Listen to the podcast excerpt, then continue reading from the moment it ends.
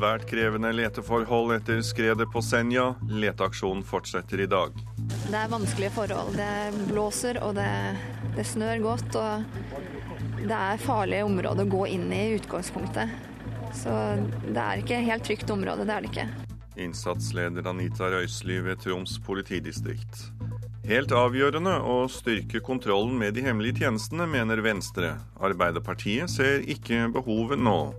Og Alexander Kristoff mener han er en bedre syklist denne sesongen.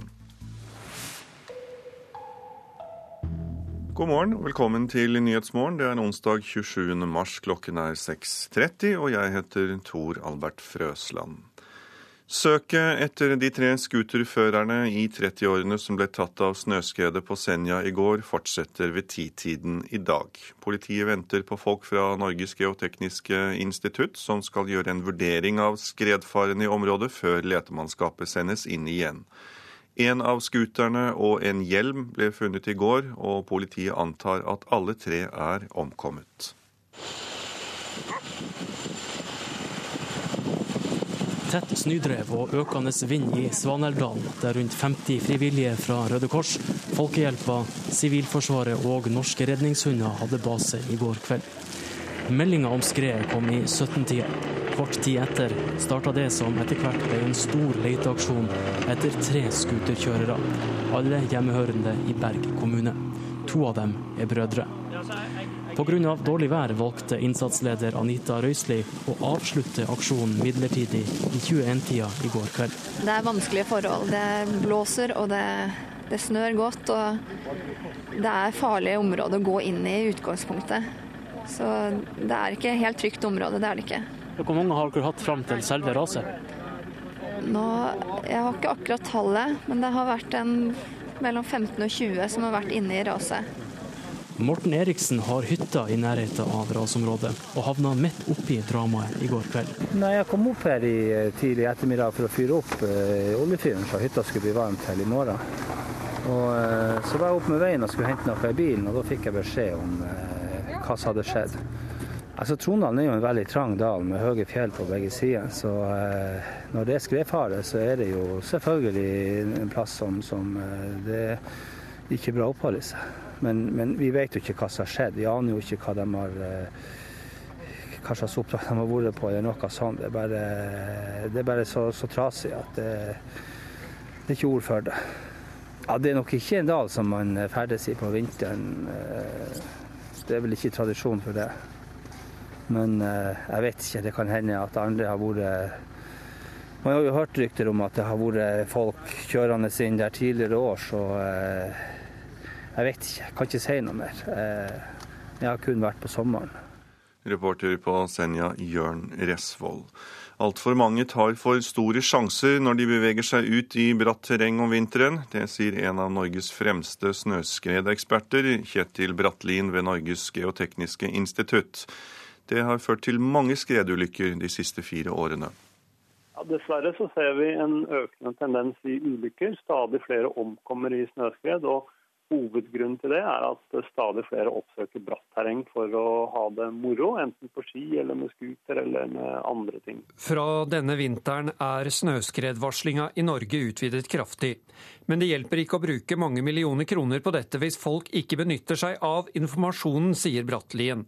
Han mener mange tar altfor store sjanser. Man sitter og spiser frokost og planlegger hva man skal gjøre så kan man enten se på seg selv som en ekstremsportutøver som skal ut i krigen, eller så kan man se på seg selv som en ansvarlig person som skal ut og ha en fin dag, men som skal komme trygt hjem.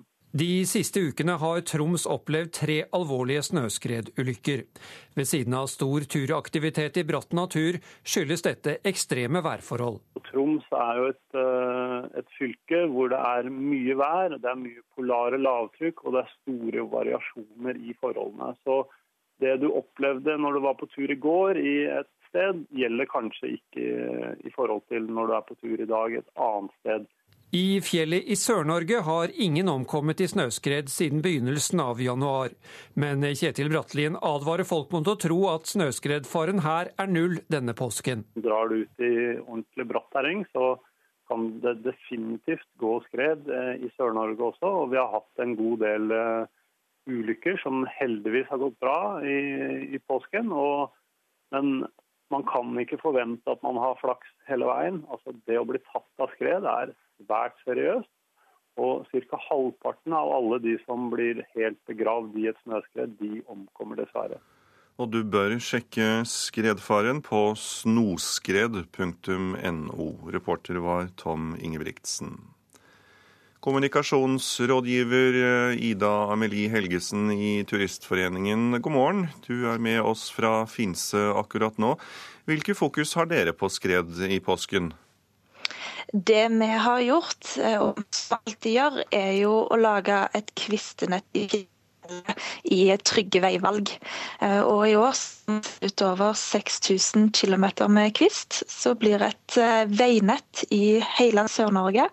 Så hvis folk følger de kvista løypene, så slipper de å, å gå i skredfarlige områder. Til tross for kvistede løyper, hvordan er forholdene i fjellet? Det har vært en helt fantastisk påske fram til nå. Det er gode værmeldinger og rikelig med snø i hele Sør-Norge. Eh, og det gjør òg at det er besøksrekord her på våre betjente hytter. Det er den beste påsken på fem år, og flere hytter har en eh, beste overnatting noen gang. Ja, dere i Turistforeningen skryter på hjemmesiden av dere, deres at uh, påskefjellet hører sammen som Kvikk Lunsj og appelsin. Og hvordan markerer dere denne drømmepåsken du beskriver? Nei, det er jo det at det er fantastisk mange mennesker som bruker fjellet. Og så, nyter denne påsken. For det er jo ikke sikkert at vi får sånne forhold neste år. Da blir det sen påske. Så hvis det er noen hjemme som lurer på hva de skal finne på i dagene, så vil jeg bare oppfordre de til å komme seg opp på fjellet og nyte den helt utrolig fine påsken vi har nå i år. Ja, Men hva skjer da om hyttene til DNT er fulle og folk kommer og vil overnatte? Vi har en policy om at alle får plass. Så Det betyr på at de mest populære hyttene så er det så fullt at en må sove på sovesal og kanskje på madrass på gulvet. Men så er det fremdeles mange hytter som har god plass, gode, så du får ditt eget rom, og, og, så du ikke opplever den samme trengselen. Ja, hvor skal de eh. ta veien, de som vil finne den gode plassen? Rondane er det ikke helt fullt ennå, eh, og utrolig fine forhold, masse snø. Så jeg anbefaler alle å dra til Rondane. Eh, og så er det òg faktisk en del hytter i Jotunheimen som fremdeles har god plass.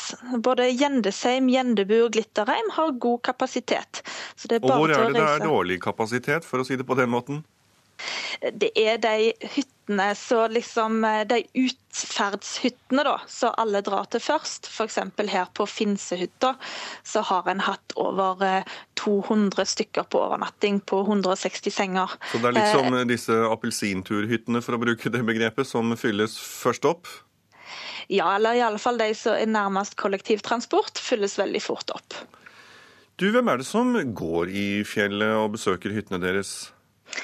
Ja, det er jo det er som oftest i påsken så er det flest nordmenn. Eh, og så er det et bredt spekter. Både voksne folk, og så er det òg veldig mange ungdommer som tar påskeferien på fjellet. Og så En ny trend er at barnefamilier ønsker seg en fjellpåske. Og Det de pleier å gjøre da, det er å reise opp på ei betjent hytte og bo der fast noen dager og gå dagsturer. Det høres eh, flott ut. Eh, kommunikasjonsrådgiver Ida Amelie Helgesen i Turistforeningen. Du får styre med alle hyttene som best du kan, og fortsatt god påske. God påske. Politikk nå. Venstre mener Stortinget må gjøre mer for å kontrollere de hemmelige tjenestene. EOS-utvalget avdekket nylig at flere journalister har blitt ulovlig kartlagt. Nå går partileder Trine Skei Grande inn for en mer omfattende kontroll av de hemmelige tjenestene, og mener det er helt avgjørende å styrke utvalget. Vi ser en stadig større samarbeid mellom E-tjenesten og PST, og det er ekstra krevende i et åpent demokrati som i Norge. og Da er det veldig viktig å ha en sterk kontrollmekanisme som gjør at vi kan ha tillit til tjenestene våre. Og den tilliten er svekka, mener hun, etter at Stortingets kontrollorgan med de hemmelige tjenestene konkluderte med at flere journalister har blitt ulovlig kartlagt av Etterretningsbataljonen. De er meget, meget alvorlig, og jeg merker meg at det har vært bred enighet politisk om at sånne, eh, sånne tilfeller skal vi ikke ha noe av. For to dager siden valgte journalist Kjetil Stormark å politianmelde bataljonen etter at han skal ha blitt ulovlig kartlagt. I tillegg har forsvarsminister Anne Grete Strøm-Eriksen bedt generaladvokaten etterforske saken. Avsløringene til tross, Trine Skei Grande sier det er helt avgjørende at EOS-utvalget nå styrkes. Både med ressurser, kanskje også med personer, også med å sørge for at de til enhver tid er helt teknisk oppdatert, så de kan foreta de kontrollene de kan gjøre. Annet for å få enda flere uanmeldte inspeksjoner hos de hemmelige tjenestene. Det fikk vi én av i denne perioden, og da fikk vi de avsløringene vi fikk. Jeg tror helt sikkert at Stortinget er villig til å gi EOS-utvalget de virkemidlene EOS-utvalget føler at de må ha for å, for å gjøre jobben sin. Jeg er ikke sikker på om det er der skoen trykker nå. Sier kollega i kontroll- og konstitusjonskomiteen på Stortinget, Arbeiderpartiets Martin Kolberg, som mener EOS-utvalget fungerer godt i dag. Med den kapasiteten vi har, så har vi jo fått uh, avslørt det vi nå har fått avslørt. Og jeg har ikke hørt fra EOS-utvalget at de har hatt uh, for liten kapasitet. Det har de aldri framført for komiteen. Derfor mener han det viktigste nå er å gjennomgå de aktuelle sakene i komiteen og han hilser samtidig et tettere samarbeid mellom de hemmelige tjenestene velkommen. Jeg mener at det er veldig viktig at de to tjenestene er veldig tette, at de samarbeider godt. Om det så skulle kreve mer kontroll, det mener jeg at vi kan diskutere i etterkant av den gjennomgangen vi nå skal ha. Reporter var Ole Marius Rørstad. Tar vi en titt på det som er på forsidene av avisene denne onsdagen. Presten Hilde Råstad ber om å bli løst fra presteløftet. Hun er lei av ikke å få jobb i kirken, selv om hun enkelte ganger er eneste søker. Årsaken er at hun er åpent lesbisk, skriver Aftenposten. Snåsamannen forteller Dagbladets lesere om historien han aldri glemmer. Vegvesenet bruker tre ganger mer penger på konsulenter enn på asfalt, skriver VG. Finansavisen tar for seg suksesshistorien til motehuset Moods of Norway, og forteller oss at det er en suksess som er verdt 450 millioner kroner. Romfolket selv vil forby tigging på gaten her i Norge. Klassekampen skriver at romfolket som er her i landet, frykter storinnrykk av fattige til Norge i sommer. Senterpartipolitikere vil gjøre skolematen til den neste store helsereformen, skriver Nasjonen. Regjeringen kom med masse slipp av saker like før påske, og Redaktørforeningen er sterkt kritisk til dette, forteller Vårt Land. Dagsavisen tar for seg mennesker som har vært døden nær, og forteller også om livene deres etterpå. Dagens Næringsliv lar oss få innblikk i hvordan USA skal lagre all datatrafikk og telefontrafikk i et nytt gigantisk anlegg i Utah. Bergens Tidende tar for seg hyttelivets gleder, eller kanskje det motsatte, for avisen har regnet ut at om du eier en hytte på fjellet, koster det deg ca. 3000 kroner natten å overnatte, eller 120 000 kroner i året å eie en hytte til fjells. Bergensavisen har et av sine bysbarn på forsiden. Det er Elina Kranz, som er humordronningen her til lands, og som står frem med sin suksesshistorie. Fedrelandsvennen har en jublende og smilende Ingvild Ask på sin forside sammen med sine foreldre etter at hun kom hjem fra bortføringsdramaet i Egypt. Hun sier at hun ikke var sikker på om hun kom til å komme hjem igjen. Lillebror vil ut av Petters skygge, forteller Adresseavisen oss. Thomas Northug forteller at neste år vil han ta steget opp på pallen. Og Nordlys har Tromsøs ordfører på forsiden, og han sier det er helt forferdelig at tre mennesker omkom i snøskredtragedien på Senja. Sport nå. Alexander Kristoff mener han er en bedre syklist denne sesongen. Søndag venter klassikeren Flandern rundt, og 25-åringen tar med seg en solid porsjon motivasjon etter en god prestasjon i går. Det gir selvtillit. og Jeg har følt vært stang ut, og endelig begynner det, å komme resultater. Sier Alexander Kristoff etter tredjeplass i går i det belgiske tredagersrittet De Panne. Til helgen venter et av sesongens store mål, klassikeren Flandern rundt. Det gir selvtillit. og Jeg har følt vært interessant ut, og endelig begynner det, det kommer resultater. og Det er godt for moralen å se at, at, ikke bare på trening at jeg er sterkere, men at jeg også ser viser det i løp. For til tross for OL-bronse i London i fjor, har det ofte blitt med nesten for Alexander Kristoff. Så det er morsomt å endelig begynne å få det litt til. Nå føler han at grunnlaget er bedre enn noen gang. Jeg har nok blitt på det fysiske litt sterkere. Kjører også hardere på tre, eller kjører i hvert fall bedre på intervallene på trening hjemme òg, så jeg ser jo selv at jeg har blitt litt sterkere. Såpass mye fokus har han hatt på å legge et godt grunnlag at trening på spurt har blitt nedprioritert. I går ble han slått av en av verdens beste avsluttere, Peter Sagan. Jeg ser at jeg kanskje burde trent litt mer spurt òg, så det, det, blir nok litt spurttrening når jeg kommer hjem. I søndagens Flandern rundt er en topp ti-plassering målet, men Kristoff er offensiv nok til å si at man kan forvente mye av han i framtiden. Jeg tror egentlig aldri jeg har vært sterkere. Reporter var Mats Håby. Stavanger Oilers-sjef Petter Thoresen mener Vålerenga er favoritt foran NM-finalene i ishockey. Thoresen mener sitt lag er nødt til å skjerpe seg på bortebane dersom de skal ha mulighet til å vinne Norgesmesterskapet igjen. Det gjelder å være mentalt klar for å, at vi, vi, skal vinne en kamp der. og det, det, er ikke noe annet å snakke om for at vi skal bli, vinne mesterskapet. Så Da må vi gi sykehuset opp til at vi skal ta dem på Jordal. Stavanger Oilers slo under 4-1 mot Lørenskog i går, men snudde til 6-5-seier. Nei, Gutta var jo ikke stolte over hva de hadde gjort eh, da det sto 4-1. For det er ikke bare Lørenskog som er gode, det er vi som rett og slett eh, spiller med hodet og armen og gjør veldig mye rart. Og nettopp å vinne på fremmed is er det første Oilers-treneren peker på som det viktigste for å oppnå suksess. Nei, Vi må i hvert fall sørge for at vi blir et bedre bortelag enn vi har vært nå i denne serien her. og Vi har sluppet inn altfor mye mål på bortebane. og vi må, vi må virkelig jobbe med oss sjøl med å bli bedre på det. Stavanger Oilers vant Norgesmesterskapet i fjor, men seriemester Vålerenga har vært sterke gjennom så å si hele sesongen. Thoresen er klar på at hans lag ikke er favoritter. Nei, det er vi jo absolutt ikke. Vålerenga ble seriemestere med mange poeng på oss og har vært bedre enn oss etter jul. og Den må nok ta på seg det favorittstempelet nå. Uh, for eller Vi slår underfra. og Nå får de et par dager hvile, og så er vi klare for å møte Vålerenga. Reporter var Mats Håby.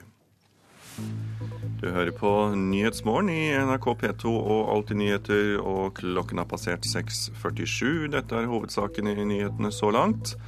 Svært krevende leteforhold etter skredet på Senja. Leteaksjonen fortsetter i dag. En av påskens største hendelser her til lands foregår innendørs, og dit skal vi om litt. Og følger du også med, skal du straks få høre at rettsvesenet sier du er barn til du er 15 år. Hos mor og far er du fortsatt barn når du er 50. Når er vi barn, og når er vi voksne?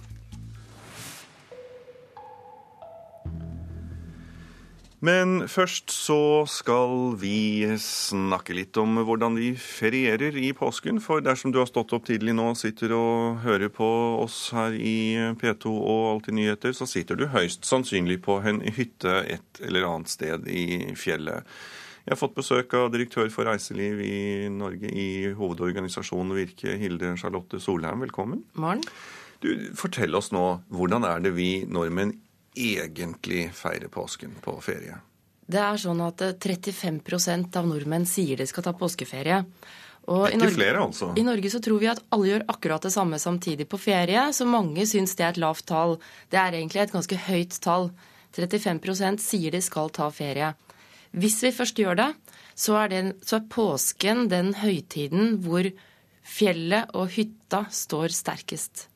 Så vi drar til fjells og følger etter snøen? Ja. Det er sånn at vi er faktisk nå godt over 40% som planlegger å være på privat hytte i påsken. Og så får vi i tillegg 6% som leier seg inn et sted. Sånn at vi kan rundt regnet si at halvparten av de som tar påskeferie, de reiser til fjells. Så Kvikk Lunsj og appelsin det står sterkt i vår assosiasjon til hva vi vil gjøre i påsken. Men påsken kommer jo litt forskjellig på, på vårparten fra år til år. og Hvordan spiller værutsikten inn i så henseende når folk vil på ferie? Andelen andelen som reiser til fjells, går nok helt klart noe opp. Men en annen ting vi ser om ferieatferd, er at endringene er gradvis og ganske små. Og Hva slags endringer er det? Den store trenden vi har sett i mange år, er jo at vi nordmenn reiser mer til utlandet. og det er 27% altså nesten 30% planlegger en utenlandstur også i påsken når vi undersøker det.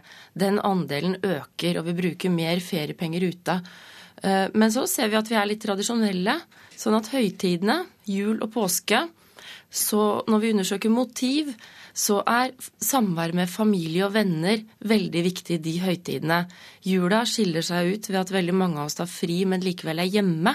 Så påsken er den høytiden hvor vi fortsatt er veldig opptatt av familie og venner, men hvor veldig mange vil ha dette samværet på fjellet. Du sier at andelen som ikke foretrekker fjellet, men som drar utenlands er økende. Hvor i utlandet er det vi eh, vil dra i påsken? Innenfor nordmenn så er jo varmere strøk alltid viktig, men eh, påsken er nok for de som ikke har skolebarn, eh, en litt sånn fleksibel høytid. Mange tar en pakkereise, men de fleste organiserer turen selv. Og da er nok påsken også en mulighet for å komme seg til storbyene. Så nordmenn er blitt et av verdens mest reisende folk. Vi ferierer i mange roller, og vi har mange ferier i løpet av et år. Ja, vi har mange penger i lomma òg. Rett og slett så bruker vi nå, ser vi fra Virke, som overvåker konsum på mange områder, så øker vi andelen av forbruket vårt på opplevelser.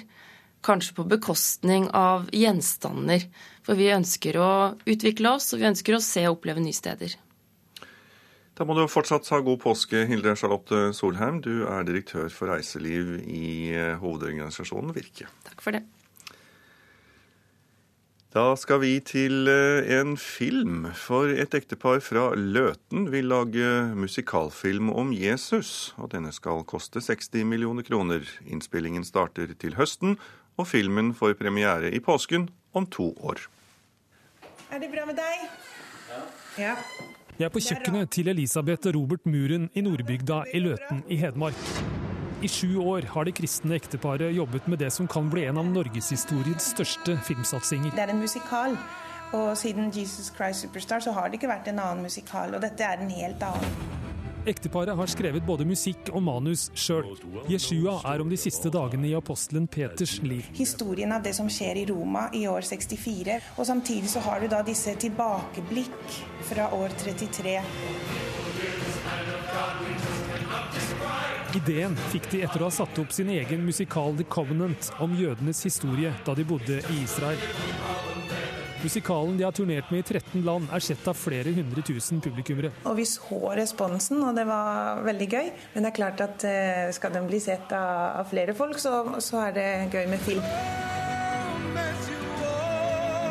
Nå vil det norske musikalekteparet satse på lerretet, til tross for at de ikke har filmbakgrunn sjøl. Nei, det har vi egentlig ikke noe bakgrunn i.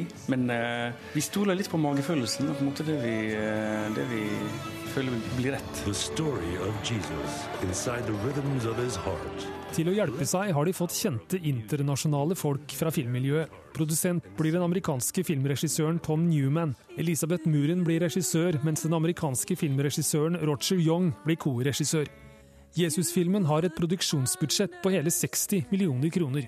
Det er klart at eh, her i Norge så er man, eh, og spesielt når det er to fra Løten som, som skal samle inn eh, og greie å få til en film til 60 millioner, og det er bare produksjon, så har du da distribusjon etterpå.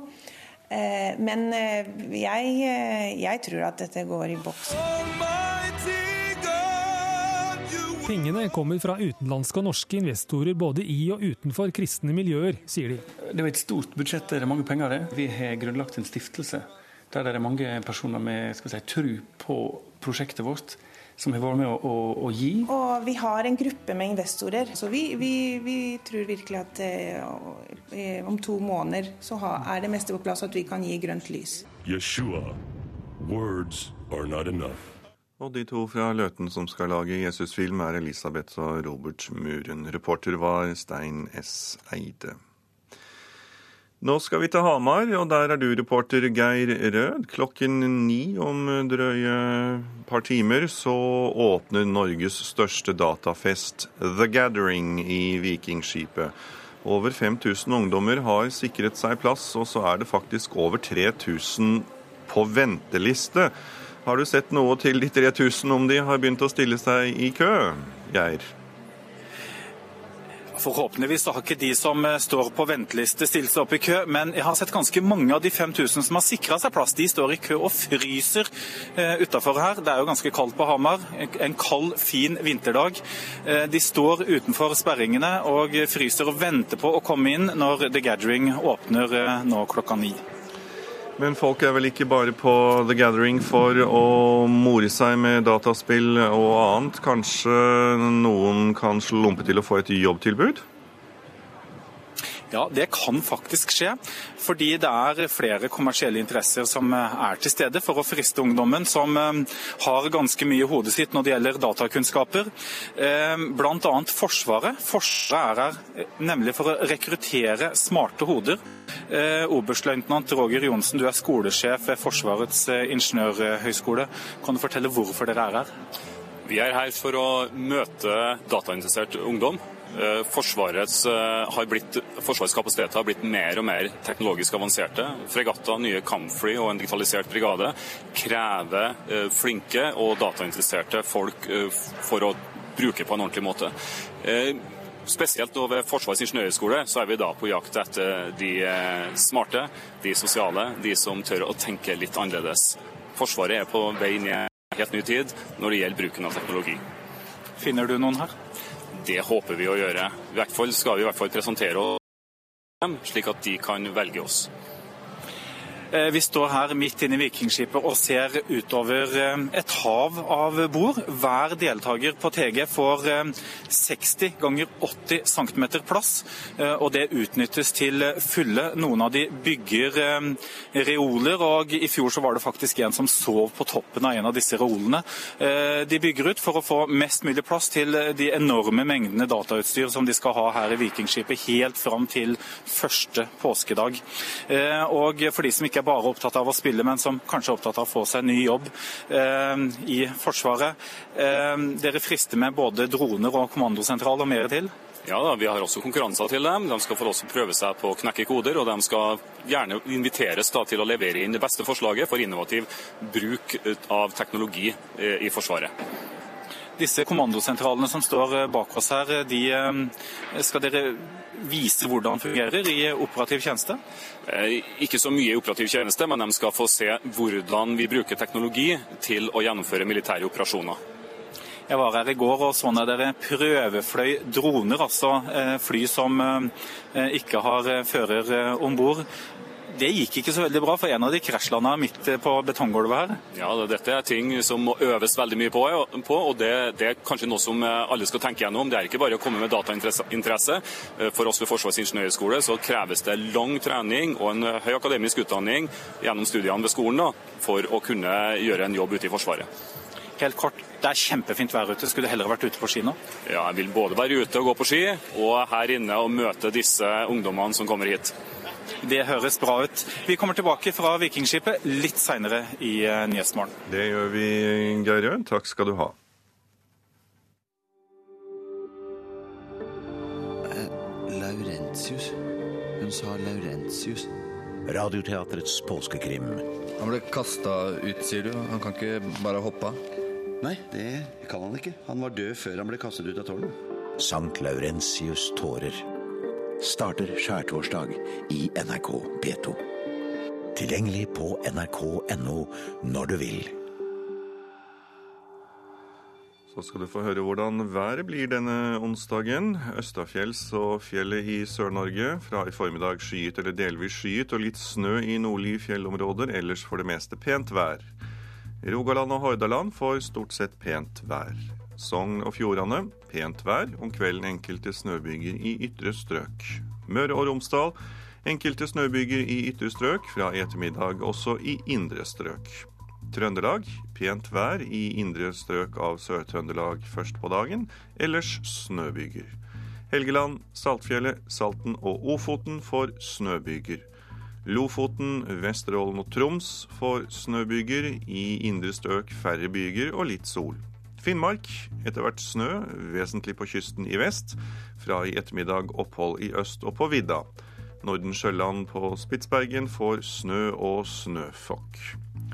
Noen morgentemperaturer målt klokken fire. Svalbard lufthavn minus 14 grader, Kirkenes minus 11, Vardø minus 3, Alta, Tromsø og Langnes minus 4, Bodø minus 3, Brønnøysund og Trondheim-Værnes 0, Molde 1, Bergen-Flesland minus 5, Stavanger minus 2, Kristiansand-Kjevik minus 9, Gardermoen minus 11, Lillehammer minus 9, Røros minus 21 og Blindern i Oslo hadde minus 7 grader.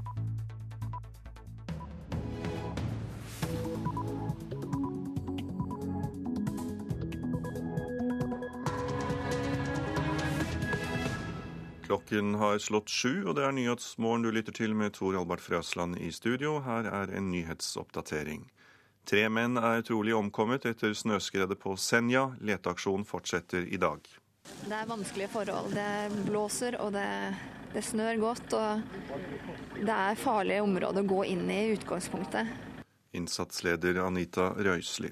70 000 personer mister retten til fradrag for store sykdomsutgifter i selvangivelsen.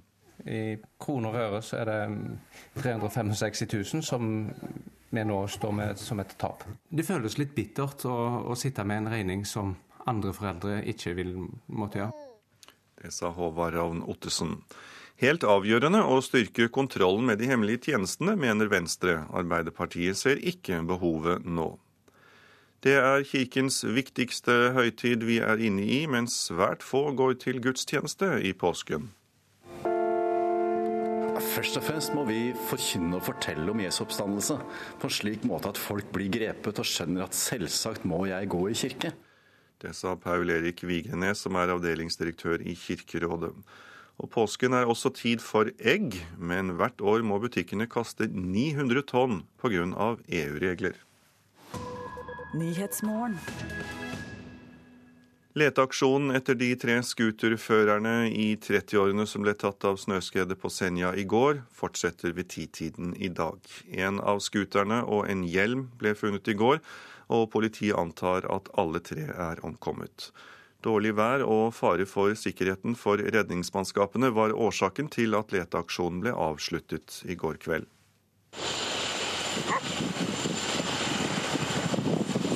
Tett snødrev og økende vind i Svaneldalen, der rundt 50 frivillige fra Røde Kors, Folkehjelpa, Sivilforsvaret og norske redningshunder hadde base i går kveld. Meldinga om skredet kom i 17-tida. Kort tid etter starta det som etter hvert ble en stor leteaksjon etter tre scooterkjørere, alle hjemmehørende i Berg kommune. To av dem er brødre. Pga. dårlig vær valgte innsatsleder Anita Røisli å avslutte aksjonen midlertidig i 21-tida i går kveld. Det er vanskelige forhold. Det blåser og det, det snør godt. Og det er farlige områder å gå inn i i utgangspunktet. Så det er ikke helt trygt område, det er det ikke. Morten Eriksen har hytta i nærheten av rasområdet, og havna midt oppi dramaet i går kveld. Altså Trondalen er jo en veldig trang dal med høye fjell på begge sider. Så eh, når det er skredfare, så er det jo selvfølgelig en plass som, som eh, det er ikke bra å oppholde seg. Men, men, vi vet jo ikke hva som har skjedd. Vi aner jo ikke hva de har eh, hva slags oppdrag de har vært på, eller noe sånt. Det er bare, det er bare så, så, trasig at det, det er ikke ord for det. Reporter på Senja var Jørn Resvoll. Så skal vi høre om nye skatteregler, for pga. nye skatteregler mister rundt 70 000 personer retten til et fradrag på skatten. I årets selvangivelse kan ikke lenger folk med store sykdomsutgifter få dette trukket fra. For Håvard Ravn Ottesen og Trine Toseth i Trondheim betyr dette et tap på flere hundre tusen kroner. Se der skal du få litt mat, Anders. Anders sitter med pappa Håvard ved kjøkkenbordet i Trondheim. Anders er tre år, men litt annerledes enn andre treåringer. Han er psykisk utviklingshemmet og sitter i rullestol.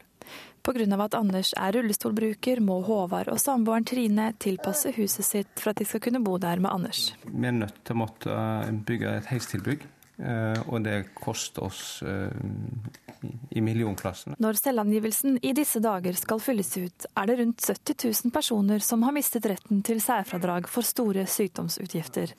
Disse fradragene har man hatt rett til hvis man har hatt store kostnader ved bl.a. kronisk sykdom eller nedsatt funksjonsevne. Tidligere ville Håvard og Trine fått fradrag fra skatten på utgiftene ved heistilbygget. I år får de ikke det. I kroner og øre så er det 365 000 som vi nå står med som et tap. I stedet for særfradraget for tilpasning av bolig, er det nå Husbanken som skal gi støtte til dette. Men ordningen er kommunal og blir praktisert forskjellig fra kommune til kommune. I Trondheim får du ingen midler dersom familien tjener mer enn 700 000 kroner i året. Vi vil ikke sitte igjen med eneste kroner. For de nye ordningene de er tilgodeser de som er særdeles vanskeligstilt? Det er ikke heldig at det er eh, så store, så store sprik mellom hvordan kommunene bruker det tilskuddet. Så det vil Husbanken jobbe for å få til at blir mer likt. Sier avdelingsdirektør i Husbanken Are Saurén.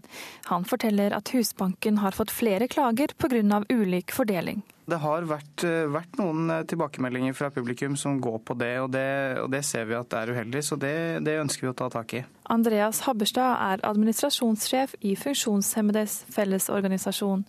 Han forteller at de nå får mange henvendelser fra medlemmer som vil lide økonomiske tap folk opplever at ordningen som har kommet istedenfor, ikke treffer dem i det hele tatt.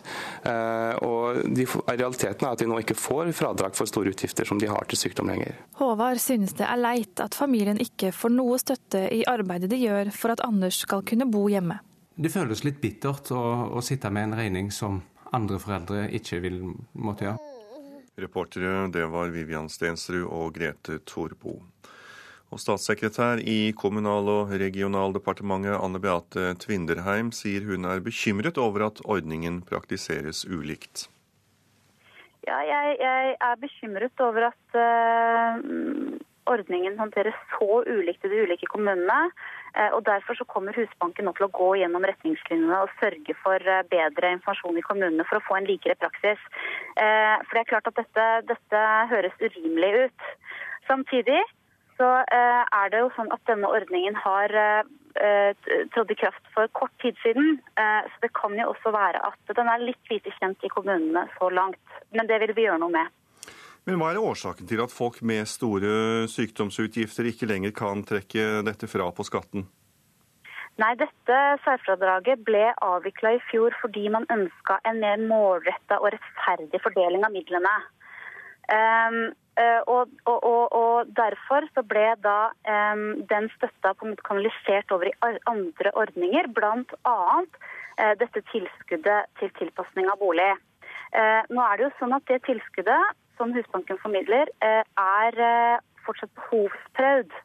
Til, til, til, folk som, som, som, søker om det. Det er fortsatt behovsprøvd for at det skal være målretta med de med størst behov. Men vil du si at eh, ordningen er rettferdig når praksisen er så ulik i kommunene? Nei, praksisen skal ikke være så ulik som vi kan få inntrykk av at den er her. og Derfor så vil vi, vil vi eh, gå gjennom praksisen og sørge for bedre informasjon og rutiner. I denne saken så var det konkret en familie som måtte betale utgiftene selv for å bygge om huset. Hvor ligger en rettferdighet i det? Nei, jeg kan jo ikke kommentere enkelte saker. Og som sagt så er jo eh, ordningen behovsprøvd i Altså hvert, hvert, tilfelle skal behandles individuelt. Det er vanskelig for meg å kommentere den saken. Men, men jeg synes nok at uh, det jeg får høre om hvordan dette håndteres veldig ulikt i ulike kommuner, det er vi nødt til å se nærmere på. Det er ikke rettferdig. Ordningen trådte i kraft i fjor høst, eh, og du sier den kanskje kan være lite kjent i kommunene, men dere i departementet har kanskje en bedre oversikt. og Hvilke andre uheldige utslag eh, av dette har dere snappet opp? Foreløpig så har ikke jeg informasjon om dette, eh, men i forbindelse med at vi går gjennom, gjennom retningslinjene nå, så vil vi selvfølgelig vurdere eh, vurdere annen informasjon som måtte komme opp om hvordan dette håndteres. Som sagt så er det eh, har vi eh, ikke så mange måneders praksis å se tilbake på ennå. Så vi må jo selvfølgelig holde åpent for at uh, her er det behov for, uh, for tilpasninger og forbedringer. Uh, det skulle bare mangle.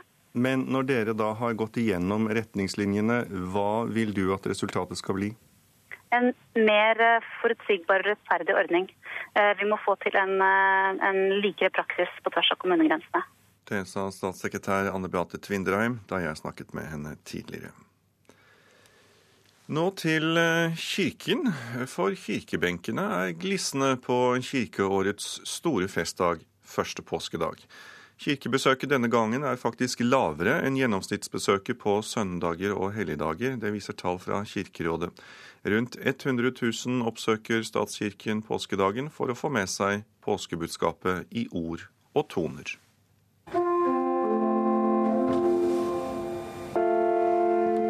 Først og fremst må vi forkynne og fortelle om Jesu oppstandelse på en slik måte at folk blir grepet og skjønner at selvsagt må jeg gå i kirke. Paul Erik Virgenes er avdelingsdirektør i Kirkerådet. Hovedverk til pedal. Og så må vi bli flinke til å markedsføre det. For kirkebesøket første påskedag imponerer ingen. Rundt 100 000 av oss går i kirken på kirkeårets gladeste dag. Det er litt færre enn på vanlige gudstjenester, og langt unna rekordtallene på julaften, da en halv million nordmenn strømmer til kirkene. Vi må bli modigere for å få folk til å komme i påsken, sier Virgenes. I forhold til markedsføring, sosiale medier, involvere bredde av musikere, kulturfolk, eh, skuespillere som leser tekster, og rett og slett sørge for at første påskedagsgudstjenesten blir en høytid for folk. Det er Vivianne Sydnes, førsteamanuensis ved Musikkhøgskolen og tidligere domkantor i Nidarosdomen, som leter fram 'Påskemorgen slukker sorgen' ved orgelet i Oslo domkirke. Påskemorgen slukker sorgen det er en gammel salme, det er Lindemann-salme. Men det er det som jeg i hvert fall jeg forbinder, og kanskje mange også forbinder med påske, som ungene mine faktisk kan. Eh, har lært i barnehagen. Hei sammen!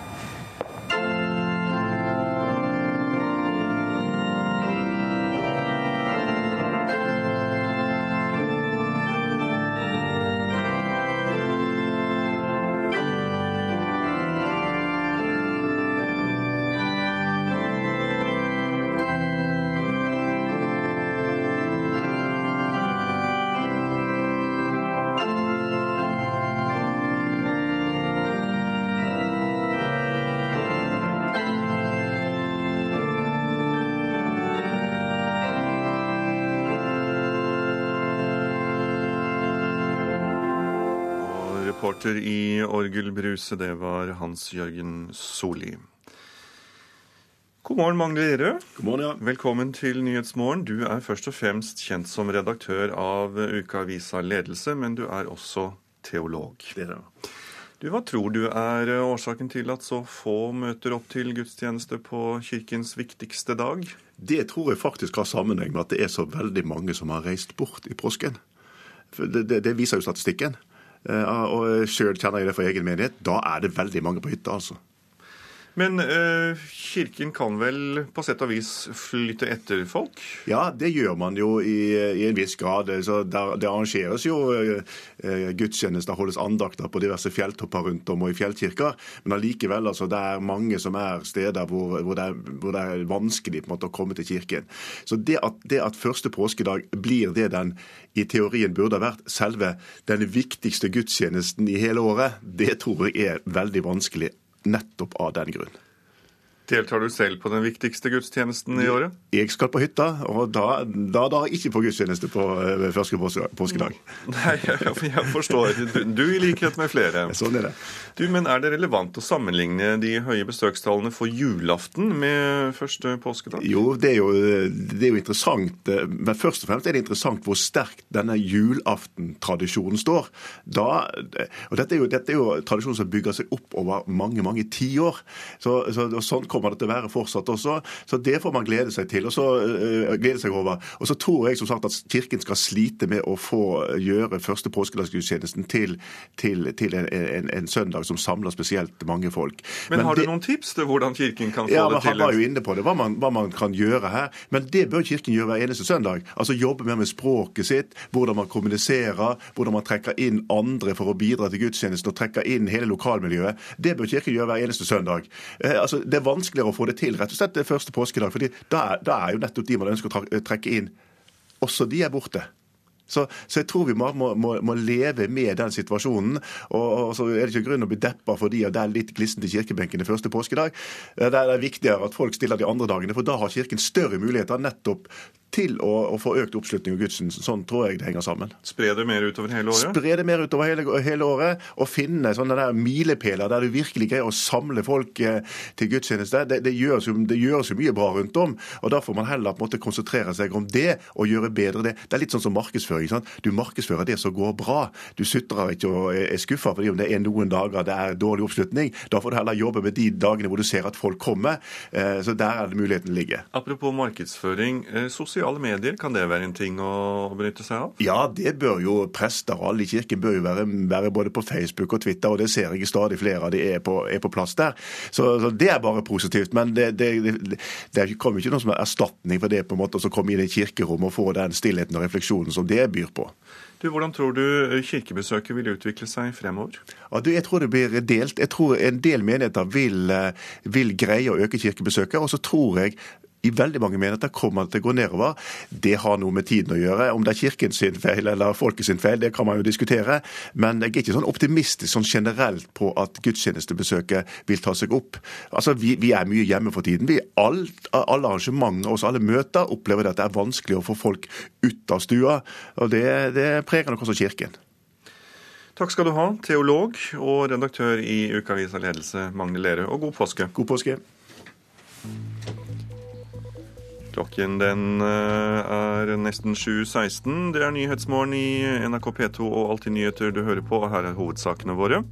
Søket etter de tre savnede på Senja blir gjenopptatt i formiddag. Politiet tror de tre som ble tatt av et skred, er omkommet. I årets selvangivelse kan ikke lenger folk med store sykdomsutgifter få fradrag på dette på skatten. Det gjelder rundt 70 000 personer. Og som vi nettopp hørte, kun 100 000 går til gudstjeneste på kirkens viktigste høytid.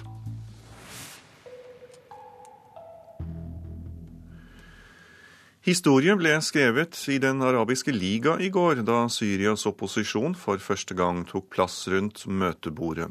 Ligaen representerer alle de 22 araberlandene. Opposisjonen ba USA styrke sin støtte til opprørerne. I Syria føler folk seg forlatt av verden, som handlingslammet ser på at borgerkrigen krever titusener menneskeliv. Men folk NRK snakket med i Syria, vil ikke ha militærhjelp, kun våpen. En gjeng gutter spiller fotball på gressbanen utenfor en skole. Like god er stemningen ikke inne i skolegården. Der treffer vi folk fra landsbyen Binners i Nord-Syria. Folk som har søkt tilflukt fra bombene. Menn i sin beste alder er blitt mottakere av nødrasjoner med mat. De er blitt flyktninger i sitt eget land, og de kan ikke lenger forsørge familiene sine. De venter på at krigen skal ta slutt. Men hvordan? Mer enn 70 000 syrere er drept så langt, og borgerkrigen bare fortsetter. Så lenge Vesten lar være å gripe inn mot regimets brutalitet, så kommer krigen bare til å fortsette, sier Ahmed Hamid opprørt. Vesten driver et dobbeltspill, mener mannen, som var handelsreisende inntil nylig. USA og Europa sier at de støtter kampen mot Assads regime. Men samtidig vil de ikke bidra mer med hjelp så indirekte støtter de regimet, ettersom de bare lar Assads folk holde på. Jeg tror de venter til Syria er helt sønderrevet, slik at når opposisjonen tar over, er Syria et ødelagt og svakt land mener Hamid. Eh, eh, Jeg spør om de ønsker militær luftstøtte, slik som libyerne fikk da de kjempet mot Gaddafi. Eh, Nei, vi ønsker oss ikke vestlige bombefly. Men vi vil få lov til å kjøpe våpen, sier Hamid. Opprørerne mangler våpen. Det hører vi overalt i det opprørskontrollerte området mellom den tyrkiske grensen og Aleppo. Amerikanske tjenestemenn bekrefter at USA trener syriske grupper i Jordan. Men verken amerikanere eller briter vil gi opprørerne våpen, men derimot ikke-dødelig hjelp, som det så fint heter nå. Denne ikke-dødelige hjelpen utenfra, ja, den hører man lite til, og merker enda mindre til her. I dette nordlige området i Syria finnes verken strøm eller mobildekning. Samfunnet fungerer ikke. Brød, egg og tørrvarer får man, men annen mat er det vanskelig å få tak i for mange. Vi er levende døde, sier en mann som bryter inn i samtalen. Vi ønsker ikke noen militær invasjon fra Vesten, sier Muammer Sayed Ali. Vi syrere er sterke nok alene, men hvordan skal vi felle Assad når vi ikke får muligheten til å kjøpe og få inn våpen og forsyninger som bensin og diesel? Spør Syed Ali, som drev en tekstilbutikk inntil en bombe ødela businessen hans.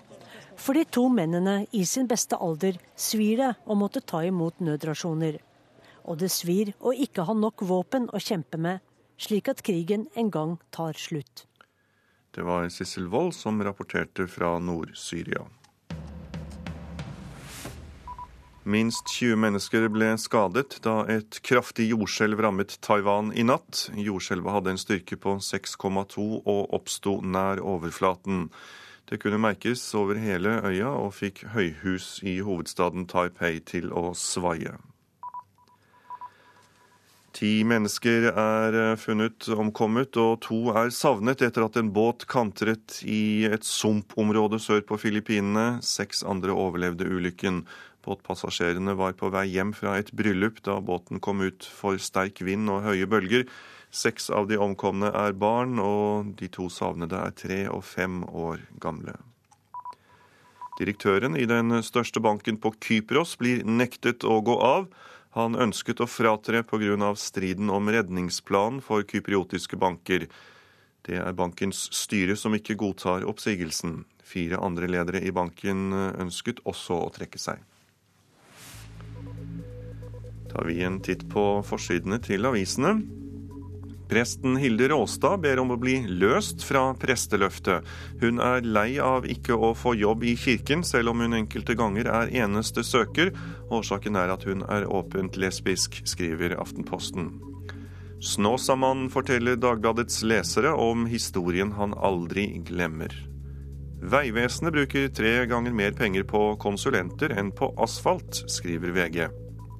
Finansavisen tar for seg suksesshistorien til motehuset Moods of Norway, og forteller oss at dette er en suksess verdt 450 millioner kroner. Romfolket selv vil forby tigging på gaten her i Norge. Klassekampen skriver at romfolket som er her i landet, frykter storinnrykk av fattige til Norge i sommer. Senterpartipolitikere vil gjøre skolematen til den neste store helsereformen, skriver Nasjonen. Regjeringen kom med masseslipp av saker like før påske, og Redaktørforeningen er sterkt kritisk til dette, forteller Vårt Land. Dagsavisen tar for seg mennesker som har vært døden nær, og forteller oss om livene deres etterpå. Dagens Næringsliv lar oss få innblikk i hvordan USA skal lagre all datatrafikk og telefontrafikk i et nytt, gigantisk anlegg i Utah. Bergens Tidende tar for seg hyttelivets gleder eller kanskje det motsatte. For avisen har regnet ut at dersom du eier en hytte på fjellet, koster det deg 3000 kroner natta å overnatte, eller 120 000 kroner i året å eie en hytte til fjells. Bergensavisen har et av sine bysbarn på forsiden, og det er Elina Kranz, som er humordronningen her til lands, og som står frem med sin suksesshistorie. Fedrelandsvennen har en jublende og smilende Ingvild Ask på sin forside sammen med sine foreldre, etter at hun kom hjem fra bortføringsdramaet i Egypt. Hun sier at hun ikke var sikker på om hun kom til å komme hjem igjen. Lillebror vil ut av Petters skygge, forteller Adresseavisen oss. Det er Thomas Northug som forteller at neste år vil han ta steget opp på pallen. Nordlys har Tromsøs ordfører på forsiden, og han sier det er helt forferdelig at tre mennesker omkom i snøskredtragedien på Senja. Nå skal det handle om egg. Hvert år må norske butikker kaste 900 tonn med egg. Det viser tall fra Nortura. Overproduksjon utgjør 13 millioner egg, og de er fullt brukbare. Men EU har satt en grense for hvor lenge eggene kan oppbevares. Det sier avdelingssjef for kjølevarer ved Coop Mega på Ålgård, Monica Menek. Det er gode egg. De varer jo i tre måneder, og så har vi datostempling på tre uker. En måned tror jeg det er nå på de. I forhold til før så var det jo ikke dato, og de er like gode mange uker etter datoen, for å si det sånn. Så det er veldig dumt at butikkene må hive dem. Overproduksjonen av egg har ført til at Nortura har satt ned kiloprisen med 80 øre. Det forklarer konserndirektør for matsikkerhet Kjell S. Rakkenes i Nortura. Og Det har vi gjort for å begrense etableringslysten og for å få ned produksjonen av egg. Ja, Hva har dette EU-direktivet betydd for norske eggprodusenter? Vi snakker jo om halvering av oppbevaringstida. Altså, det, dette EU-direktivet ble jo lagd pga. Eh, de såkalte verdis varekjedene i Syd-Europa. Det er varmt i Syd-Europa, og dermed er det vanskeligere å ha lang holdbarhet på egg. Er, eh, vi har lov til å lagre egg i fire uker. Vi kunne uten problem ha dobla den lagringstida i Norge. Reporter var Øystein Ellingsen. Og til tross for at 900 tonn med egg blir kastet, så blir vi nordmenn nærmest egomane nå i påsken. For i løpet av denne uken så spiser vi faktisk over 21 millioner hønseegg. Men også pappversjonen av påskeegget er populære. Du vet disse eggene som vi gjerne fyller godteri oppi. Og mange vil sikkert hevde at de er mer velsmakende enn hønseegg også. Marianne Kaasbøl fra Åhléns i Tromsø avslører hvilken størrelse på eggene som er mest populære. De største. Ja, definitivt de største. Sjokolade og marsipan er påskeeggets beste venn. Men Mariann Kåsbøl på Åhléns sier at påskeegget kan brukes til andre ting også. Og så kan man putte en kartong med vin inni og lage et lite hold her. Så kan du ha den på bordet og kose deg uten at du har vinflasker på bordet. Det er litt koselig. Fargerike påskeegg fyller i disse dagene butikkhyllen. De aller fleste eggene er jo tom, Og blant dem som skal fylle opp til flere egg, er jo Tove Larsen. Det blir jo sjokolade til kanskje. så blir det jo sjokolade og litt sånn småting. Små biler og sånn der. Hvem er det du skal gi gave til? Det er barnebarna mine. Mm. Jeg har seks av dem, så det blir en del. Det er ikke bare egne unger som folk vil gi en ekstra fin påskehilsen til, sier Marte Iversen på Nille i Tromsø. Hvis det er sånn lærere som skal ha til klassen sin, så kjøper de gjerne til de små, siden de må ha veldig mange. Eh, foreldrene sine og søsknene det er veldig populært å gi til venner og søsken og foreldre. Eh, og da er det veldig mm, mange nå som putter inn masse andre ting enn bare godteri. Lys og lysestaker, blader. Ja, sånne ting. Litt mer sånn koseting og ja. Påskeeggeksperten Adele er på jakt etter det perfekte egget, og hun har klare preferanser for hva som bør fylle det. Sjokolade og litt sånn um, påskepynt i. Altså det blir jo Påskepynt også? Ja. Hvordan påskepynt? Det er sånne der eh, små, sånne små pipp-påskeharer som er sånne gul med ei rød sløyfe i.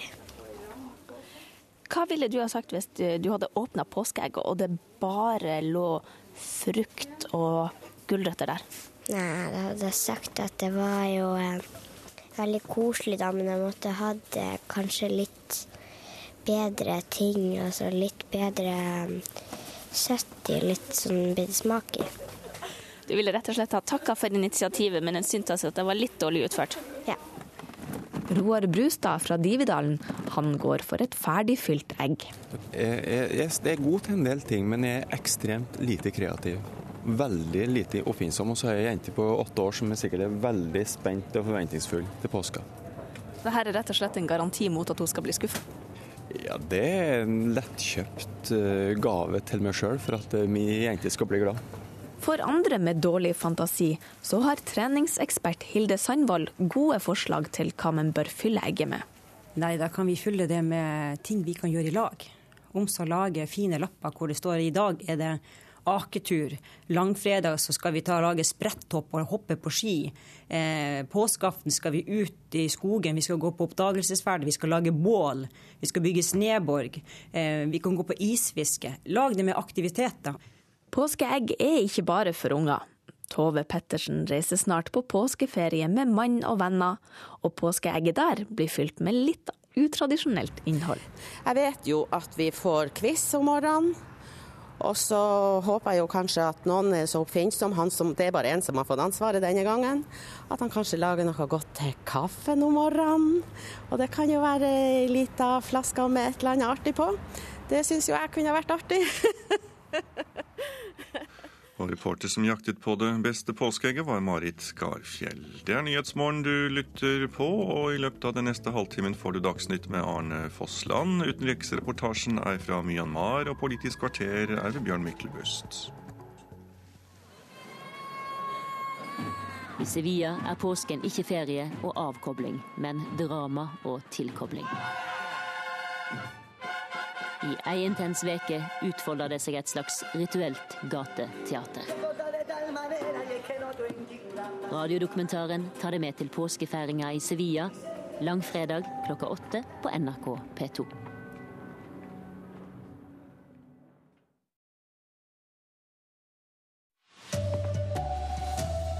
På Senja fortsetter søket etter de savnede snøscooterkjørerne i dag. Farlige leteforhold stoppet søk i går. Nye regler gjør at tusener av nordmenn mister skattefradrag.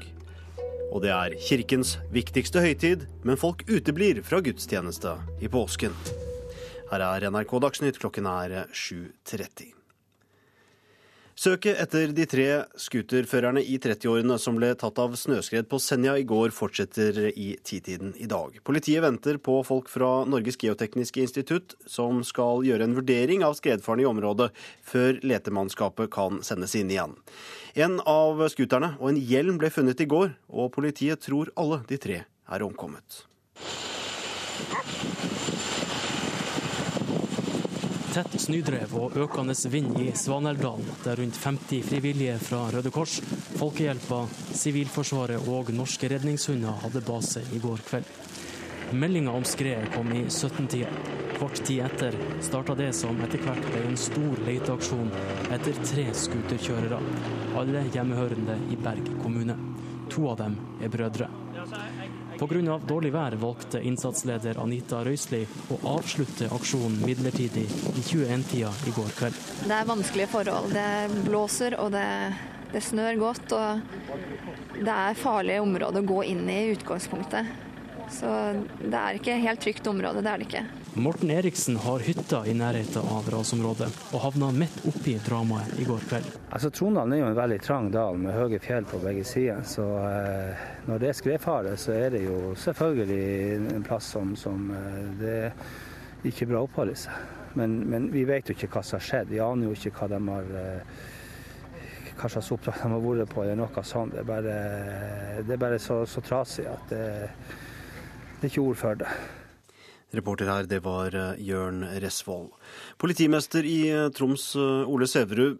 Hvilke utfordringer har dere i det videre letearbeidet nå? Det er særlig skredfaren som, som, utgjør en risiko for de mannskapene vi skal sende inn og den leteaksjonen vi skal ha. I tillegg så er skredet relativt stort. Det er meldt at det er mer enn fem meter dypt. og Det betyr at det er relativt store snømasser som skal letes gjennom. Ja, hva er det som er det vanskeligste for de folkene som nå driver med dette arbeidet? Det, det, området ligger ca. tre km fra vei, og den siste strekninga, de siste par hundre meterne særlig, eh, er meldt at det er svært skredutsatt. Eh, så vi er redd for å sende folk inn i området. Og I tillegg i natt har været vært dårlig, mer nedbør, mye vind. Og det gjør at eh, risikoen for skred nok har økt i området. Hva slags påkjenning er det for, eh, for de som skal lete etter de som er savnet? Nei, det er klart det, her er, det er en forferdelig situasjon å være i. Eh, det er en del lokale hjelpemannskaper som var involvert i går, som kanskje også vet hvem dette er. Eh, så vi må tenke litt gjennom hvem vi skal bruke. Men det er en fysisk belastning, men det er også en psykisk belastning å stå og drive på med et sånt arbeid. Nå har det gått flere ras i Troms i, den, i det siste, og rasfaren er høy. Hvordan mener du folk forholder seg til denne rasfaren? Vi har advart nå i flere uker om stor, stor snøskredfare, og, og, og, likevel har det gått sånn som det har gått. Det er, fjellene i Troms er fantastisk, det er nydelig turterreng, og det er litt av grunnen til at mange bor her. Eh, men akkurat nå er skredfaren så stor at eh, vi håper folk bruker påsken til, til krim på TV og, og, og ludo i, i godstolen, og ikke, ikke, på toppturer eller fjellturer. Takk skal du ha, Ole Sæverud, som altså er politimester i Troms. Og alle de tre som trolig er omkommet, var fra Berg kommune på Senja i Troms. Og kommunen har opprettet et eget kriseteam som skal hjelpe alle som, som trenger hjelp. Pga. nye skatteregler så mister rundt 70 000 personer retten til fradrag eh, på skatten. I årets selvangivelse så kan ikke folk lenger med store sykdomsutgifter få fradrag eh, for dette på skatten. For eh, Håvard Ravn Ottesen og Trine Toseth i Trondheim betyr dette et tap på flere hundre tusen kroner. Se der skal du få litt mat, Anders. Anders sitter sammen med pappa Håvard ved kjøkkenbordet i Trondheim. Anders er tre år, han er psykisk utviklingshemmet og sitter i rullestol og derfor må Håvard og samboeren Trine tilpasse huset sitt for at de skal kunne bo der med Anders. Vi er nødt til å måtte eh, bygge et heistilbygg i millionklassen. Når selvangivelsen i disse dager skal fylles ut, er det rundt 70 000 personer som har mistet retten til særfradrag for store sykdomsutgifter. Disse fradragene har du hatt rett til hvis du har hatt store kostnader ved bl.a. kronisk sykdom eller nedsatt funksjonsevne. I år får ikke Håvard og Trine fradrag fra skatten på utgiftene ved heistilbygget de må bygge. 365 000 som vi nå står med som et tap. I stedet for særfradraget for tilpasning av bolig, er det nå Husbanken som skal gi støtte til dette. Men ordningen er kommunal og blir praktisert forskjellig fra kommune til kommune. Derfor kan det være store forskjeller i hvor mye støtte hver enkelt får. Andreas Habberstad er administrasjonssjef i Funksjonshemmedes Fellesorganisasjon. Han forteller at de nå får mange henvendelser fra medlemmer som lider økonomiske tap. Folk opplever at ordningene som har kommet istedenfor, ikke treffer dem i det hele tatt. Realiteten er at de nå ikke får fradrag for store utgifter som de har til sykdom lenger. Håvard synes det er leit at familien ikke får noe støtte i arbeidet de gjør for at Anders skal kunne bo hjemme. Det føles litt bittert å, å sitte med en regning som andre foreldre ikke vil måtte gjøre. Reportere her, det var Vivian Stensrud og Grete Tobro. Venstre mener Stortinget må gjøre mer for å kontrollere de hemmelige tjenestene. Stortingets utvalg for, som kontrollerer de hemmelige tjeneste, EOS-utvalget, avdekket nylig at flere journalister har blitt ulovlig kartlagt. Partileder Trine Skei Grande i Venstre er bekymret for denne utviklingen, og går inn for en mer omfattende kontroll av de hemmelige tjenestene. Kirkebenkene er glisne på årets, kirkeårets store festdag, nemlig første påskedag. Kirkebesøket denne dagen er lavere enn gjennomsnittsbesøket på søn- og helligdager, viser tall fra Kirkerådet. Rundt 100 000 oppsøker statskirken påskedagen for å få med seg påskebudskapet i ord og toner. Først og fremst må vi forkynne og fortelle om Jesu oppstandelse på en slik måte at folk blir grepet og skjønner at selvsagt må jeg gå i kirke. Paul Erik Virgenes er avdelingsdirektør i Kirkerådet. Og så må vi bli flinke til å markedsføre det. For kirkebesøket første påskedag imponerer ingen. Rundt 100 000 av oss går i kirken på kirkeårets gladeste dag. Det er litt færre enn på vanlige gudstjenester, og langt unna rekordtallene på julaften, da en halv million nordmenn strømmer til kirkene. Vi må bli modigere for å få folk til å komme i påsken, sier Virgenes. I forhold til markedsføring, sosiale medier, involvere bredde av musikere, kulturfolk, eh, skuespillere som leser tekster, og rett og slett sørge for at første påskedagsgudstjenesten blir en høytid for folk. Det er Vivianne Sydnes, førsteamanuensis ved Musikkhøgskolen og tidligere domkantor i Nidarosdomen, som leter fram 'Påskemorgen slukker sorgen' ved orgelet i Oslo domkirke. Påskemorgen slukker sorgen det er en gammel salme, det er Lindemann-salme. Men det er det som jeg i hvert fall jeg forbinder, og kanskje mange også forbinder med påske, som ungene mine faktisk kan. Uh, har lært i barnehagen. Hei sammen!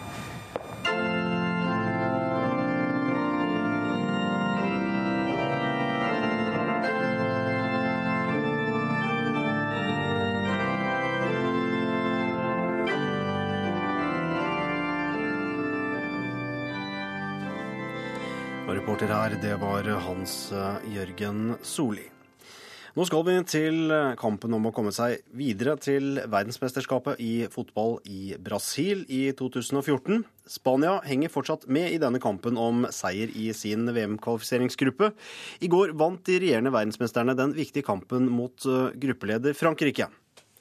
Likevel var det måten Spania spilte på som gledet eh, målskårer Pedro mest. Dette var en kamp vi visste vi skulle vinne. Resultatet er viktig, men hvordan vi vant er viktigere. Vi spilte som vi pleier, selv om vi visste vi måtte skåre. Vi stresset aldri, sier Pedro, som etter 58 minutter kranglet inn kampens eneste mål. Det betyr at Spania tok tabelltoppen i gruppe I med ett poeng ned til Frankrike, og igjen er i rute til VM. Trener Vicente del Bosque skryter av lagets styrke nemlig alle de gode spillerne. Vi har et stort mannskap å ta av. Jeg mener alle kan gjøre den jobben de ble satt til, og det er faktisk mitt største problem som trener, å velge hvem som skal spille. Jeg prøver uansett å gi alle en mulighet, sier Del Bosk. Så får vi se hva han kommer fram til. Reporter her, det var Henrik Jonassen. Ansvarlig for Dagsnytt-sendingene denne morgenen er Anne Skårseth. Teknisk ansvarlig er Per Ivar Nordahl. Jeg heter Arne Fossland. Og her i Nyhetsmorgen skal vi til Myanmar, for der er 40 muslimer blitt eh, drept av buddhister bare den siste uken. De religiøse spenningene er en stor prøvelse for Myanmars reformvennlige regjering.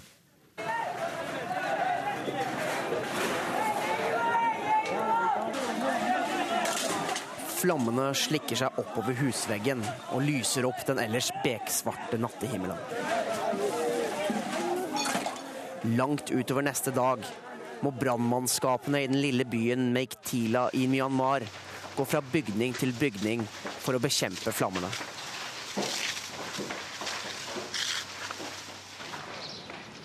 Og med dagslyset blir de skrekkelige konsekvensene etter sist ukes opptøyer åpenbare. Ut fra en haug av knuste møbler stikker det brente beinet av en død, ung kvinne. Myanmar er et land med 135 anerkjente etniske folkegrupper. Siden løsrivelsen fra det britiske imperiet i 1948 har de sentrale myndighetene desperat forsøkt å holde dette etniske lappeteppet samlet. Militærregimet som styrte landet, tidligere kjent som Burma fra 1962 til 2011, brukte akkurat dette som sin viktigste unnskyldning for å styre landet med jernhånd. Men til manges overraskelse er det ikke konfliktene med de etniske motstandsgruppene som først og fremst har blusset opp etter at regjeringen trakk i sivil for to år siden. Så å si alle av Myanmars største motstandsgrupper har inngått våpenhvile med president Thein Seins regjering. Siden august i fjor har det vært en rekke angrep mot den muslimske rohingya-minoriteten vest i landet. Rohingyaene blir sett på som ulovlige innvandrere, både av myndighetene og av den etniske majoriteten i området, som er buddhister. Det oppsiktsvekkende med angrepene på muslimer i Myanmar den siste uken, er at det ikke var mot rohingyaene, men mot muslimer med statsborgerskap i Myanmar, som bor midt i hjertet av landet, like utenfor hovedstaden Naypyidaw. I løpet av sist helg ble mellom 30 og 40 mennesker drept. Og flere hundre hus og fem moskeer ble påtent av buddhistiske gjerningsmenn.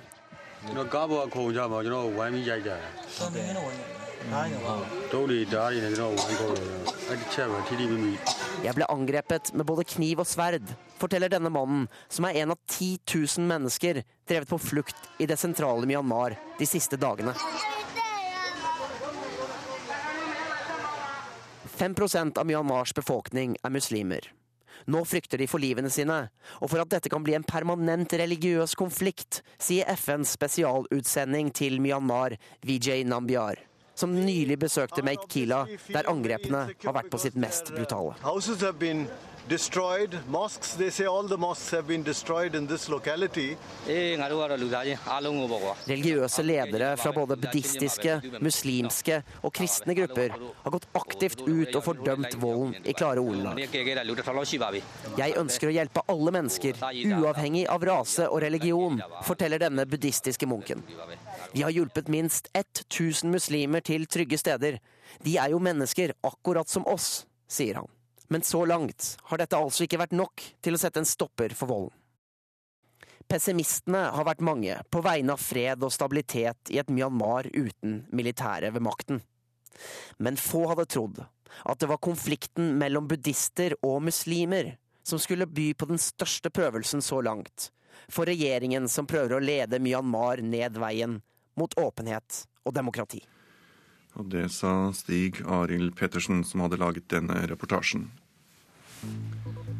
Hovedsaker i Nyhetsmorgen. Leteaksjonen etter de savnede på Senja fortsetter i formiddag. Det er dårlig vær i området, og politiet tror de tre har omkommet i snøskredet. Helt avgjørende å styrke kontrollen med de hemmelige tjenestene, mener Venstre. Arbeiderpartiet ser slett ikke behovet nå. Og i årets selvangivelse kan ikke lenger folk med store sykdomsutgifter få fradrag for dette på skatten. Det gjelder rundt 70 000 personer.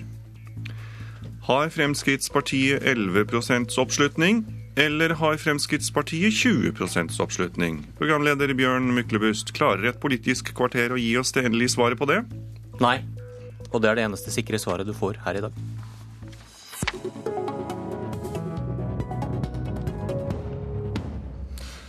En av de mest spennende kurvene å følge fram mot valget burde være oppslutningen til Frp fra måned til måned. Men hvis vi legger Frp-kurvene fra ti norske meningsmålingsbyråer oppå hverandre, så ser det ut som abstrakt kunst. Og om abstrakt kunst kan vi lese tilskueren står dermed fritt til selv å legge inn sin egen betydning og tolkning. Erling Eriksen i Norstat, dere gjennomfører NRK sine partimålinger. Dere mener Fremskrittspartiet hadde 20,4% av velgerne i ryggen i mars. Hvordan kom dere fram til det? Uh, ja, vi får gjøre dette så enkelt som mulig. Uh, det er ikke veldig mye hokus pokus. Uh, når vi lager partibarometeret, så starter man med å trekke et tilfeldig utvalg nordmenn, som man så ringer opp på telefon. De får spørsmål om hvilket parti de stemte på ved forrige stortingsvalg, og hvilket parti de ville stemme på dersom det var stortingsvalg i morgen. Så samler man da inn eh, disse dataene telefonisk, eh, ser på utvalget. Dersom man har eh, for få velgere i ett parti, altså at man har for få mennesker i forhold til fasiten på forrige stortingsvalg, så vil det partiet få seg en liten vektedytt i ryggen. Og hvis man har for mange i et parti, f.eks. at man hadde for mange Høyre-velgere, så vil man trekke Høyre litt ned. Men dere justerer da i forhold til stortingsvalget i 2009? Det er helt korrekt og da er oppslutningen 20,4% Så må vi ta med feilmarginer i begge retninger, men svaret på spørsmålet ditt er ja. Tore Gaard Olaussen i Respons Analyse.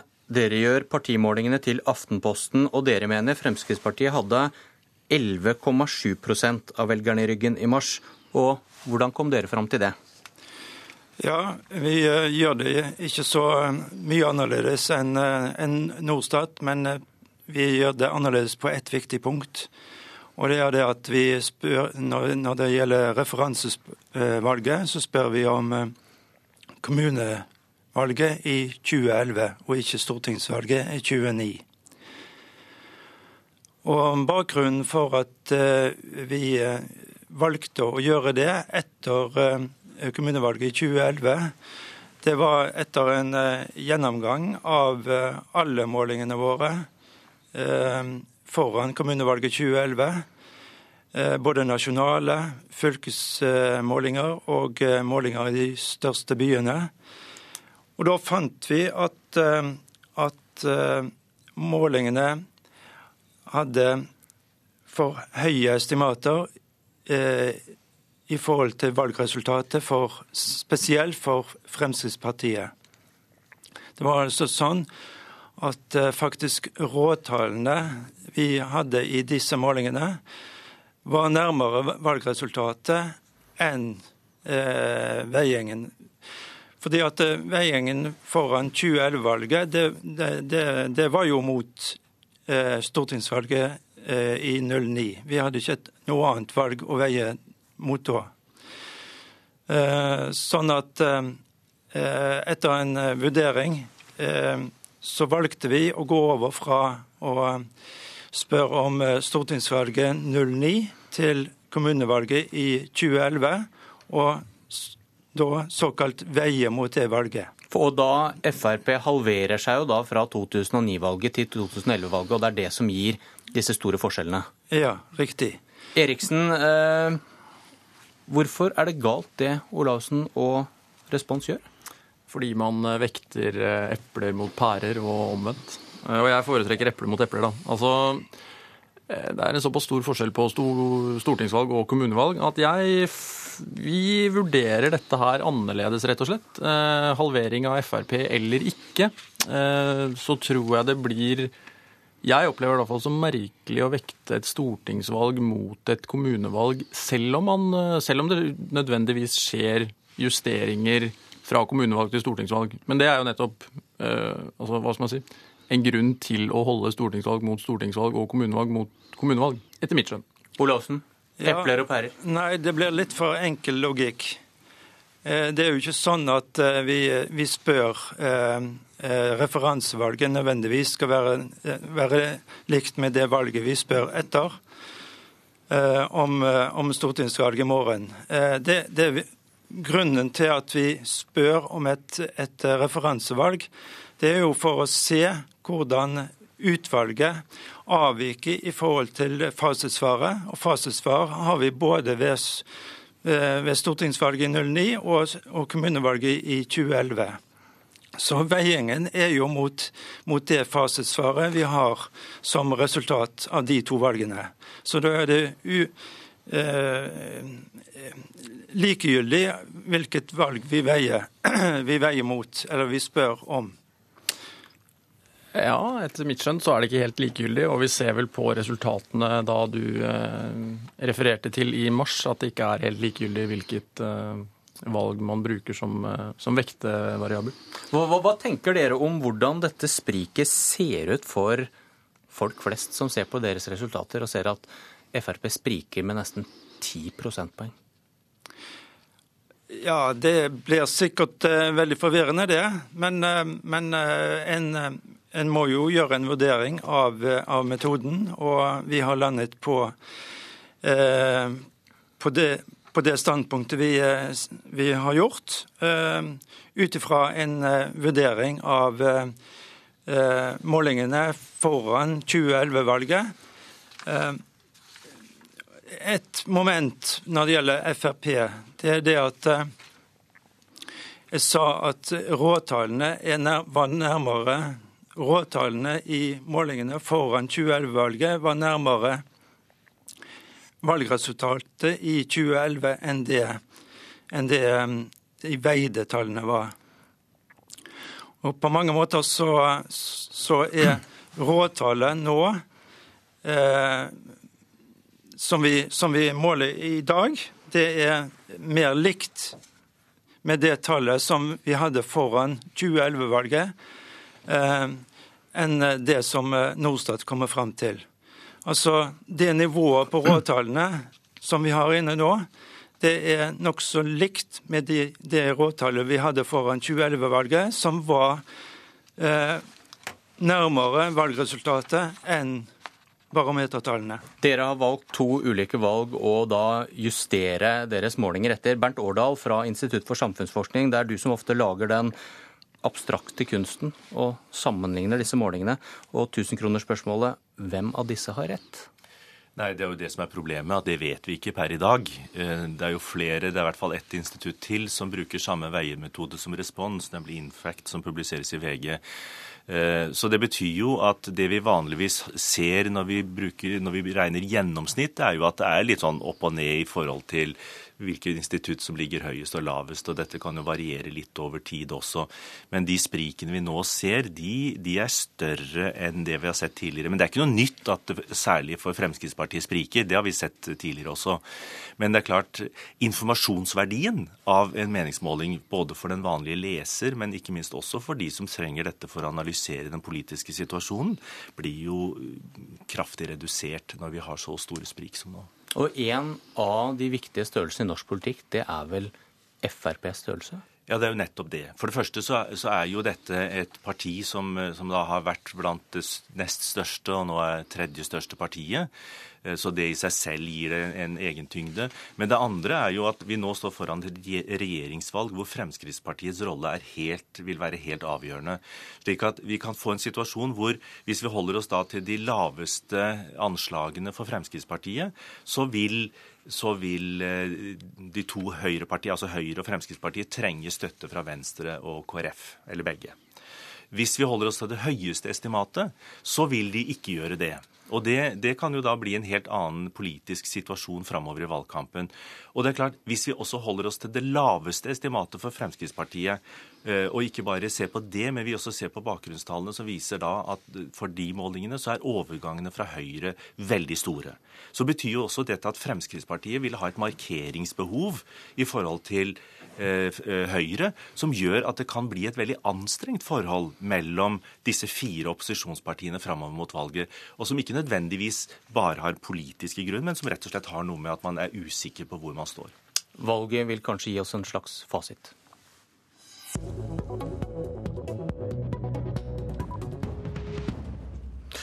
Hvordan påvirker et personlig engasjement i en sak regjeringens politikk?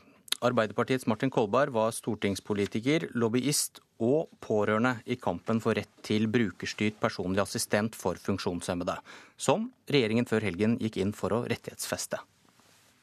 Ja, jeg eh, har eh, to erfaringer som eh, viser meg hvor viktig dette er. Det ene er barnebarnet mitt, som har hatt en slik ordning nå i mer enn ti år og som har gitt henne eh, trygghet i hverdagen og en frihet som jeg tror ellers ikke Jeg vil si, jeg trekker tilbake uttrykket 'tror'.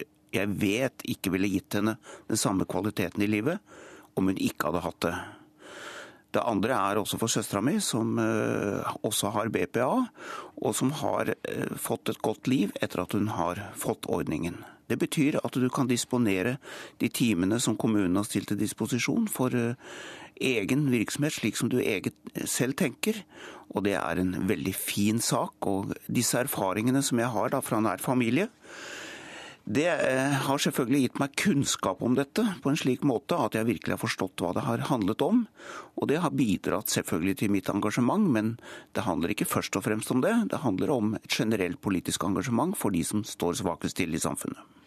Men det at du får disse opplevelsene og da argumentasjonen din så på nært hold, hva gjør det med denne type saker annerledes enn å kjempe for en vei eller lokal arbeidsplass? Ja, det ville være galt å si at personlig kunnskap og nærhet ikke fører til eh, et engasjement. Eh, da vil jeg ikke snakke sant, og det, det skal jeg jo selvfølgelig gjøre. Men eh, det er jo veldig viktig at man beholder integriteten i dette, og ikke går over uh, grensene, for å bruke et sånt uttrykk. Og det har jeg ikke gjort. Uh, jeg har brukt de kunnskapene jeg har hatt fra mine personlige relasjoner, eller private relasjoner, i den politiske argumentasjonen. Og det har vært nyttig, tror jeg, for saken. Men det har vært, og det har vært betydningsfullt for, for framdriften av den du tegner jo opp et bilde av et dilemma her. Fordi på den ene siden så, så brenner du da annerledes for denne type sak, og da, på den annen side så skal du ikke misbruke integriteten din, som du sier. Du har blitt beskyldt for det. Hvordan har det vært? Nei, altså det har jeg opplevd som, eh, som, eh, som sårende, vil jeg si. Eh, fordi det har aldri vært min tanke. Og jeg har jo kjent til denne ordningen uavhengig av mine personlige relasjoner gjennom eh, mange år. Og eh, det er eh, når, når jeg har disse personlige erfaringene, så er det klart at de sitter i ryggmargen. Det er klart de gjør det.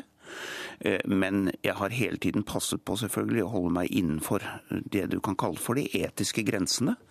Fordi at det er jo ikke sånn at du slåss for noe privat her. Du slåss for en ordning som gjelder nå flere tusen mennesker. Med dine personlige erfaringer som en del av argumentasjonen, hvordan lytter en statsminister, finansminister, parlamentarisk leder annerledes på deg? Ja, de, vet, eh, de, vet, om det, men lengre uh, er det ikke noe grunn til å trekke det der.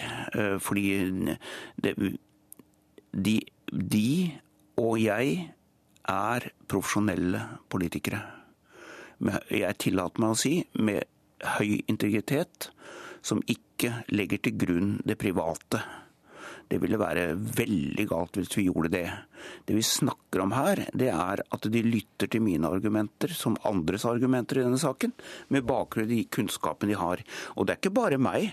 Eh, heller ikke på Stortinget, som har disse erfaringene, selvfølgelig. Det er jo uh, mange stortingsrepresentanter og andre beslutningstakere som har private erfaringer fra sitt private og sosiale liv. Og det som er viktig å si her, det er at jeg tror det er, en, det er en, et pluss, vil jeg kalle det. At politikere har empati til å bruke uh, sitt følelsesengasjement til å fremme politiske standpunkter som ikke skal ha noe med det private å gjøre, men som skal ha noe med resultatene å gjøre. Men har ditt personlige engasjement vært medvirkende til det?